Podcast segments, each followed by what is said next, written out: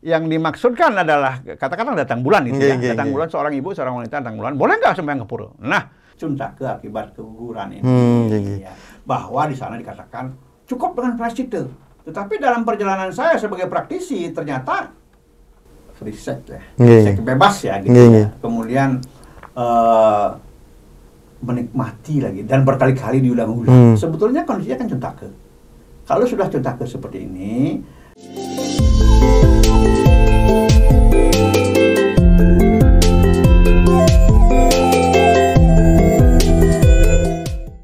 Om Swastiastu, salam rahayu Bapak Ibu Mace Dharma dan penggemar Hindu Channel. Pada hari ini kita akan membahas tentang Cuntake bersama Aji Dewa Suratnaya atau biasa disapa bagi umat Jawa Romo Aji Dewa Suratnaya. Om Swastiastu Ji. Om Swastiastu Miko. Gimana Ji kabarnya? Selalu baik lah.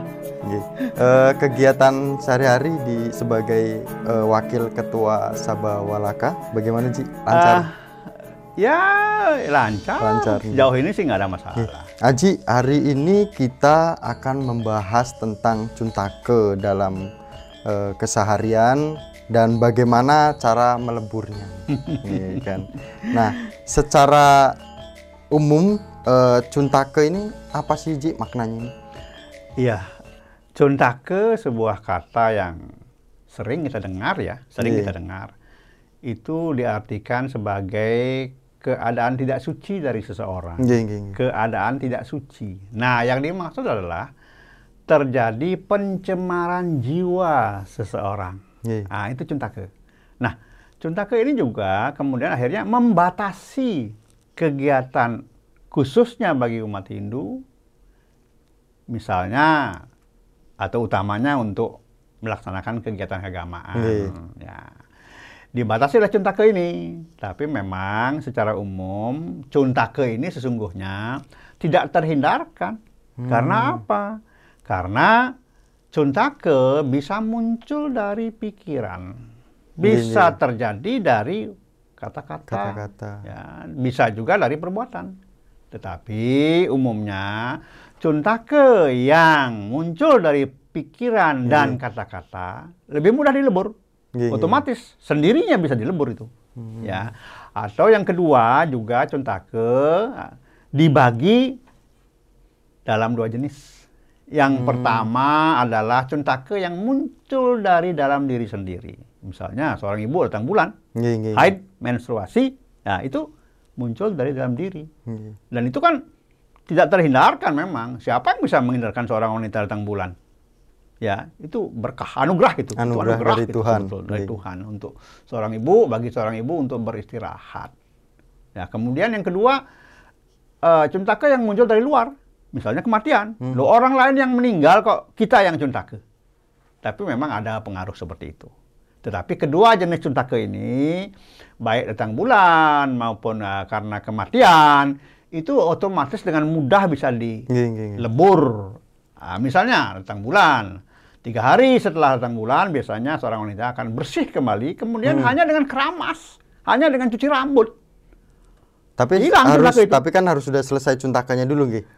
Ah, iyalah, Iya. artinya setelah setelah dia bersih, Nggih. ya setelah dia bersih datang bulannya, kemudian dia keramas, ya dia dia cuci rambut, maka cuntakannya hilang. Apalagi kemudian dilengkapi dengan sembahyang, misalnya. iya. sembahyang ya. Nah kemudian yang kedua kematian juga begitu. Kalau kematian itu biasanya ya tiap-tiap daerah, tiap-tiap wilayah Akan tidak berbeda. sama, Nggih, nggih, nggih. berbeda. Walaupun misalnya dikatakan tiga hari selesai gitu. Ada yang oh nggak bisa 40 hari gitu. Ya boleh-boleh saja tergantung desa Kalepatre ya. Nggih, nggih, nggih. Tapi yang jelas eh, untuk kematian biasanya ada tirte prayascita. Hmm. Nah ini udah kena nah sama aja misalnya kita sekarang mengantar atau menghadiri eh, upacara Pitrayatnya. Nggih. Nah, kemudian setelah itu kita kan mendapatkan percikan tirta prasita juga. Nggih. Selesai. Ya. Nah, jadi itu yang mudah. Tapi kalau nah, kalau misalnya cuntake yang diakibatkan oleh perbuatan. Hmm. Nah, bukan oleh pikiran, bukan bukan oleh kata-kata, tapi oleh perbuatan. Ya, kita berbuat sesuatu gitu ya. Nah, ini yang berat karena sangat sulit atau lebih sulit dilebur dibandingkan dengan yang dua tadi. Maka uh, saya biasanya membagi ya. Ada yang namanya manasika cuntake, pikiran. Hmm. Ah, itu gampang itu. Ya, kemudian wacika cuntake, tidak sulit. Tetapi ketika kita bicara kayika, nah ini dia. Nah, itu bahas nanti nih ujungnya, Ji.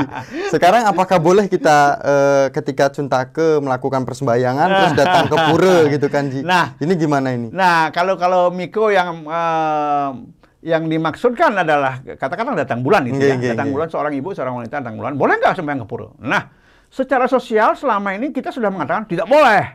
Nah, kenapa? Nanti puranya tercemar. Sebetulnya tidak ada. Masa pura dimasuki satu orang datang bulan kemudian pura tercemar? Gimana? Bagaimana bisa? Karena sesungguhnya secara niskala setiap pura itu punya daya lebur. Dia di sana ada kekuatan penciptaan Brahma, ada kekuatan pemeliharaan Wisnu dan juga ada kekuatan atau energi Siwa yang selalu menetral melebur. Apalagi misalnya setiap kita sembahyang atau mau sembahyang misalnya purnama, kita kan melakukan penyucian dulu. Ya, misalnya mangkunya berteriak, ibu-ibu sekarang ayah gitu. Nggih. Ah, udah ada yang mengambil biokalenya, dulu menggalenya, prasita berkeliling lah itu. Penyucian, setiap saat ada penyucian. Ya, walaupun sebetulnya setiap pura punya daya lebur sendiri. Nah, sekarang kenapa seorang ibu kok yang datang bulan nggak boleh ke pura dan secara sosial dilarang? Nah, begini. Sebetulnya tadi saya katakan bahwa puranya nggak tercemar. Iya. Tetapi ingat kalau yang datang bulan itu seorang ibu dia mengeluarkan darah kotor. Ya namanya darah ya. Darah itu untuk siapa sebetulnya selama ini? Nah kalau kita misalnya ritual menggunakan darah, ya itu kan untuk buta kala. Oh, Lah nggih. kalau ada darah yang keluar, tapi tidak untuk buta kala, si buta kala kan bertanya. Ya kalau saya jadi buta kala saya nanya, ini untuk darah untuk siapa? Biasanya kan darah untuk kami. Nggih, nggih. Lah, terus bagaimana? Lah, kemudian karena darah itu keluar tidak untuk mereka, mereka gelisah sendiri. Akhirnya gel- kegelisahan mereka ini memantulkan energi yang tidak baik, yang inilah bisa mengganggu umat yang sedang melaksanakan persembahyangan. Jadi sebetulnya kegelisahan ini yang menyebabkan akhirnya secara sosial janganlah ke pura kalau lagi datang bulan. Nggih, nggih. Nah, bagaimana hal kalau di rumah? Ya kalau di rumah ya silakan saja, siapa yang melarang? Ya, Tapi kalau datang ke puranya nggak sembayang ataupun di tempat luar itu nggak masalah. Nggak masalah datang ke pura misalnya tapi nggak masuk ke area pura Hmm. atau sesungguhnya masuk ke kanista mandala juga nggak masalah Nggak- masalah, nggak ada buta kalau yang marah penting ya. jangan ke utama. ya jangan ke utama jangan ke madya Oh, itu oke, kan oke. Nah, yang marah itu kan biasanya umatnya sendiri. Datang bulan datang ke pura. Masa nggak ngerti sih? Udah Iya, ada iya. pelang baca pelang nggak itu? Iya, pelangnya mengatakan yang datang bulan. Nah kan begitu. Seperti itu. Hmm. Nah kemudian Ji, eh, kalau kita berkaitan dengan tingkatan cuntake, nah ada nggak sih tingkatan cuntake ini? Nah tapi kita akan eh, membahasnya tentang yang mentru, me- yang sedang halangan. Nah, nah dengan yang eh, keguguran itu seperti apa? Nah mungkin ada tingkatan yang lain Ji. Sebetulnya kalau dibuat tingkatan itu hanya ada dua. Nggih, nggih. Yang mudah diselesaikan sendiri Hmm. atau yang tidak mudah atau tidak mungkin diselesaikan sendiri membutuhkan orang ketiga untuk menyelesaikan. Seperti Berarti yang tidak bisa diselesaikan eh, sendiri berarti ya? Harus Ya ada. enggak lah, Wa- walaupun mungkin ada ya, tapi sejauh ini saya nggak pernah menemukan bagaimana menyelesaikan sendiri. Nggih. Meskipun meskipun juga sedikit ya yang saya ingat pernah ada ya. Misalnya begini. Seseorang yang keguguran. Jadi ada seorang ibu waktu itu dia eh, melaksanakan melakukan perjalanan jauh Nggih. nyetir ya mobil dari Jakarta sampai ke Medan. Sampai ke Medan, zaman itu ya udah lama dan kemudian dia nggak tahu kalau dia tuh hamil, hamil muda, mungkin satu bulan ya, kemudian gugur. Lalu bagaimana menyelesaikan sendiri? Memang waktu itu caranya yang di yang saya ingat ya, itu selama 42 hari si ibu itu di bagian perutnya itu diikat dengan kain kuning. Ada eh, semacam selang kecil lah, selendang kecil sekali. Bukan senteng itu. Ji. Bukan senang, bukan, bukan. Hmm, iya, Ini iya. mungkin lebarnya hanya 2 cm, 3 cm, tapi kuning dia. Itu diikatkan di pusar persis Hmm. selama 42 hari. Ya mandi dibuka, setelah itu dipasang lagi 42 hari dan itu memang mampu Hmm. untuk me- melebur cuntakenya dan mengantarkan mengantarkan jiwa si calon janin yang gugur tadi. Hmm. Tapi Jadi dilengkapi dengan mantra. eh, setahu saya, saya ingat saya tidak ada mantranya. Pun langsung, saja Langsung, ikatkan. ya. Cuman kain itu memang kain masih bagus. Ya masih baru kain Iya, itu. iya. Tapi dibagi sampai kumel, sampai dekil itu kain dipakai. Hmm. Itu yang saya ingat ya.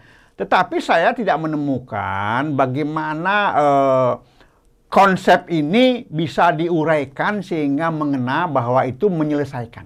Hmm, Tapi yang saya ingat itu dilakukan oleh ibu itu. Ya, dilakukan, ya. Tapi yang jelas sekarang kalau semua orang nanti begitu enak benar.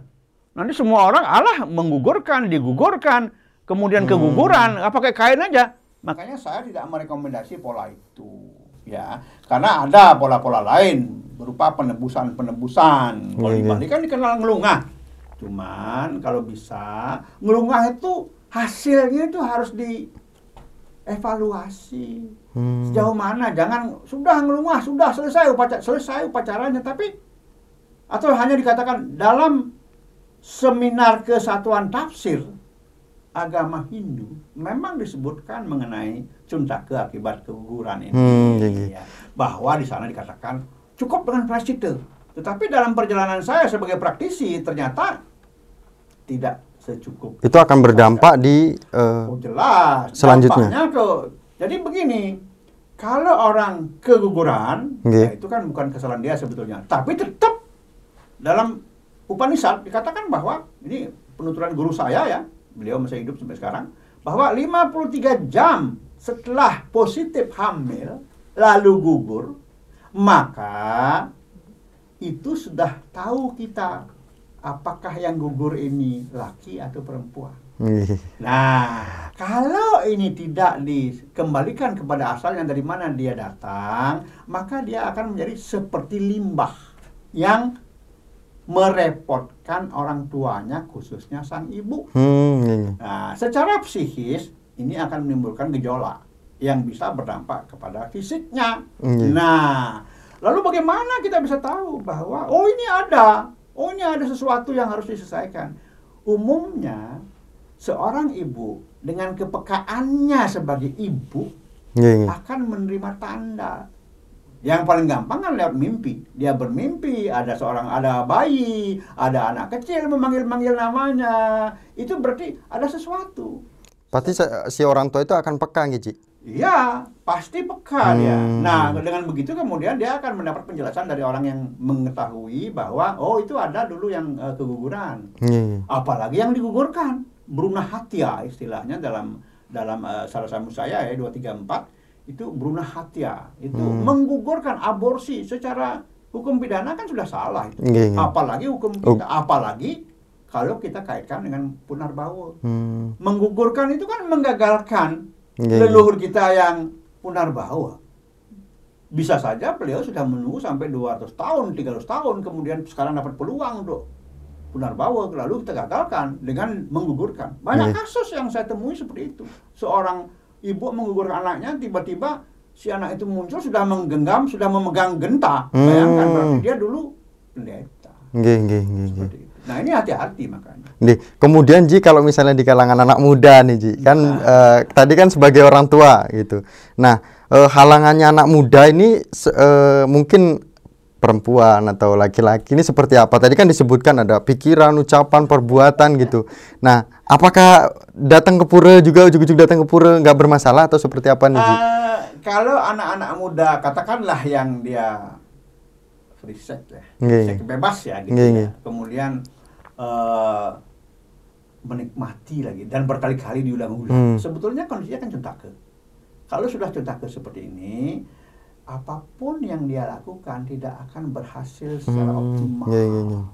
Ke pura, memang bertara di pura tidak marah.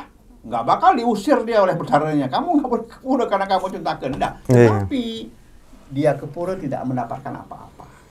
Yang ada adalah kecuntakaannya akan semakin tebal. Hmm. Karena apa?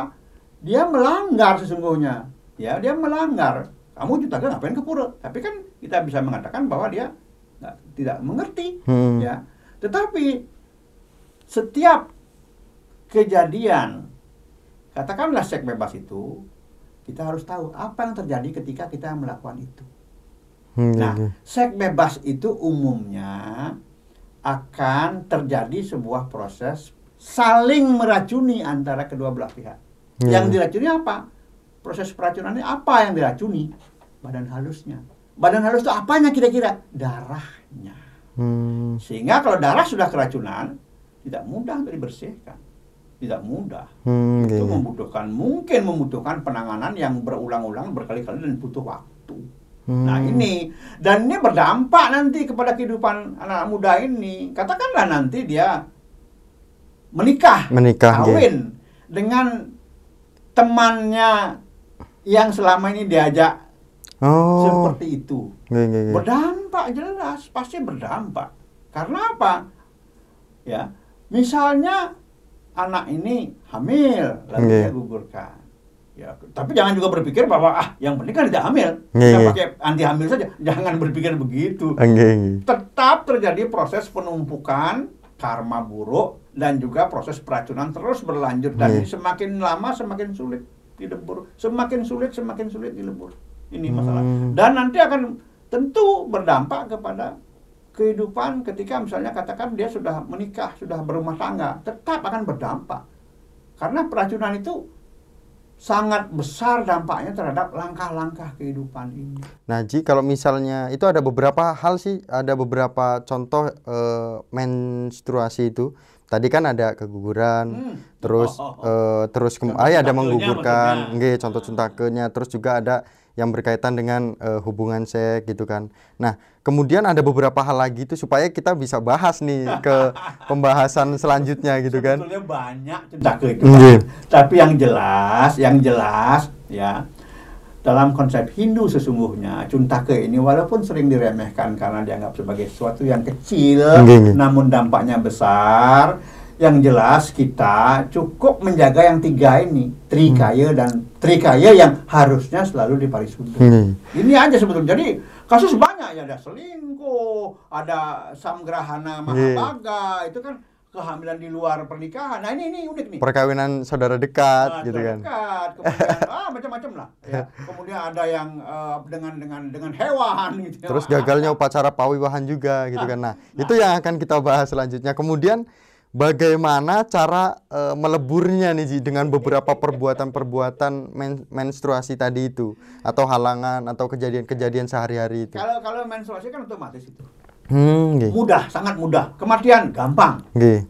Yang sulit itu kan misalnya kayak tadi itu, menggugurkan, Hmm. keguguran. Yang yang unik sebetulnya pawiwahan ya. Itu Pawiwahan, juga iya. tidak mudah. Banyak, mungkin orang jarang yang yang berpikir ya bahwa upacara pawiwahan itu bisa gagal. Bisa Hmm. gagal loh upacara pawiwahan loh. Padahal nggak ada masalah yang katakanlah yang berat sebetulnya. Nggih. Contoh begini, sebuah upacara sedang akan berjalan. Wah, sang pemuput sudah siap, beliau sudah oh, masalah sudah nggak ada, sesaji sudah lengkap, tamu-tamu sudah wah sudah semarak, Nggih. semua sudah oke, nggak ada masalah. Tiba-tiba sang calon mempelai wanita datang bulan. Itu sering terjadi itu Ji, di Sering umat kita. terjadi dan ini sering bukan hanya terjadi, tapi terabaikan. Hmm. Nah, setelah kejadian ini muncul, lalu sang mempelai Nggih. laporlah kepada sang pemuput. Hmm. Begini, begini, begini, begini. Lalu sang pemuput mengatakan, ah tidak apa-apa, nanti kan dia ada prasita. Nah ini, sering kali kita tidak memahami sejauh mana sih, sejauh mana sih seseorang atau seorang wanita datang bulan. Hmm, nggih. Apa? Kenapa seorang wanita harus datang bulan? Kenapa Tuhan memberikan anugerah itu? Lalu kita menganggap bahwa dengan apa yang kita miliki semua selesai. Belum tentu. Hmm, nggih. Sehebat apa pun prayaschita, kalau dalam prosesi perkawinan seorang ibu, ke calon ibu, kemudian dia datang bulan, prayaschita itu tidak akan bekerja. Tapi kan di situ sudah mendatangkan pemangku, pinandite, Betul. dan upacaranya pun untuk masalah Banten besar, Ji. Betul, Karena betul Banten bisa besar, bisa dua truk, tiga truk. ya. Tetapi ingat, sekecil atau sebesar apa pun upacara Hindu harus ada tiga saksi. Hmm. Satu manusia saksi, kedua ada Tuhan atau leluhur atau para dewa, saksi yang ketiga ada kala. Ingat, tadi pada awal perbincangan kan saya sampaikan juga bahwa darah yang keluar tidak untuk buta kala membuat sang Hmm. buta kala gelisah dan dia pergi meninggalkan upacara sebelum upacara berjalan. Akibatnya apa? Saksi upacara itu hanya dua. Dua ini dianggap secara niskala tidak sah upacara ini. Akibatnya apa? Pawiwahan itu gagal. Hmm. Dampaknya memang nggak langsung. Nanti dampak itu akan diterima oleh anak. Setelah bisa 10 tahun, bisa 20 tahun. Hmm, iya. Nah, Biasanya itu eh, dampak ke anaknya itu contohnya apa saja itu? Yang kami yang saya temui sebagai praktisi itu ada seorang wanita, anaknya wanita, ya, Iya, iya. ini, eh, selesai dia kuliah umur 20 22 tahun lah, baru timbul masalah. Apa masalahnya? Tiba-tiba dia selalu ingin bunuh diri, selalu Hmm. dan dia berusaha menahan, menahan diri untuk tidak melakukan itu karena dia tahu itu salah. Hmm, Ya. iya, iya. Kemudian ketika bertemu dengan saya, dengan eh, tim kami, lalu kita telusuri, yang muncul adalah gambaran saat orang tuanya payuhan. Hmm, Nah, yang terjadi adalah seperti yang saya ceritakan tadi. Iya. Nah, saya kan ingin bukti. Kalau betul itu masalahnya, ayo kita ulang payuhannya. Hmm, iya, iya, iya. Kita ulang payuhannya dengan cara sederhana, cukup dengan pembiakalaan saja. Nggih. Artinya biakalan apa? Hmm. Biakalan mengundang buta kala yang datang untuk menjadikan dia sebagai Nggih, saksi nggih. pelengkap. Kita lakukan dan kita lihat dampaknya benar nggak sembuh anak ini? Ternyata benar. Terjadi seperti itu. Nah, itu yang pertama. Yang kedua juga ada anak-anak setelah umur 10 tahun selalu dalam kondisi yang rawan kecelakaan. Hmm, hampir iya, iya. tabrak mobil, tabrak motor, jatuh ke sungai, hampir nah itulah. Walaupun dia terselamatkan oleh ibunya. Ternyata juga seperti itu kasusnya. Nggih, nggih, Jadi nggih. banyak kasus sebetulnya yang bisa diceritakan. Nah, ternyata kalau nggih, nggih. Nah, Ji eh, Romo, ternyata kalau kita membahas tentang Cuntake ini luar biasa panjangnya ya, Ji. Tidak Nah, cukup satu jam tidak cukup satu jam. Nah, ternyata eh, pada poin hari ini ya, kita membahas sedikit banget ya, Ji. cukup eh, bagi anak muda yang datang ke pura itu tetap diperbolehkan asalkan jangan masuk ke madya dan jangan masuk ke utama mandala. Nah, kemudian kalau misalnya kita melakukan upacara-upacara silahkan lakukan sesuai dengan eh, ajaran Hindu yang sebenarnya gitu Iya. supaya eh, apa pun eh, halangannya, apa pun kejadiannya tidak berdampak pada anak. Nah, episode selanjutnya Ji, kita akan membahas beberapa poin tadi eh, kehami- eh, kehamilan di luar nikah, terus berkaitan dengan eh, perkawinan antar saudara, Ya. terus perselingkuhan, gagal upacara pawihan. Kita akan bahas di episode selanjutnya. Oke. Dan Baik. terima kasih Haji Sama-sama. sudah menyempatkan waktunya hari ini memberikan edukasi kepada masyarakat, kepada umat Sedharma, baik dari Bali, Lampung, eh, Ambon, Maluku, semuanya yang ada di seluruh Indonesia. Terima kasih banyak dan selalu dukung Hindu Channel untuk memberikan eh, literasi kepada umat. Kami tutup pada hari ini bersama Aji Dewa Suratnaya, Wakil Ketua Sabawalaka dan bersama saya Jatmiko Alfian kami tutup dengan para masanti Om Santi Santi Santi Om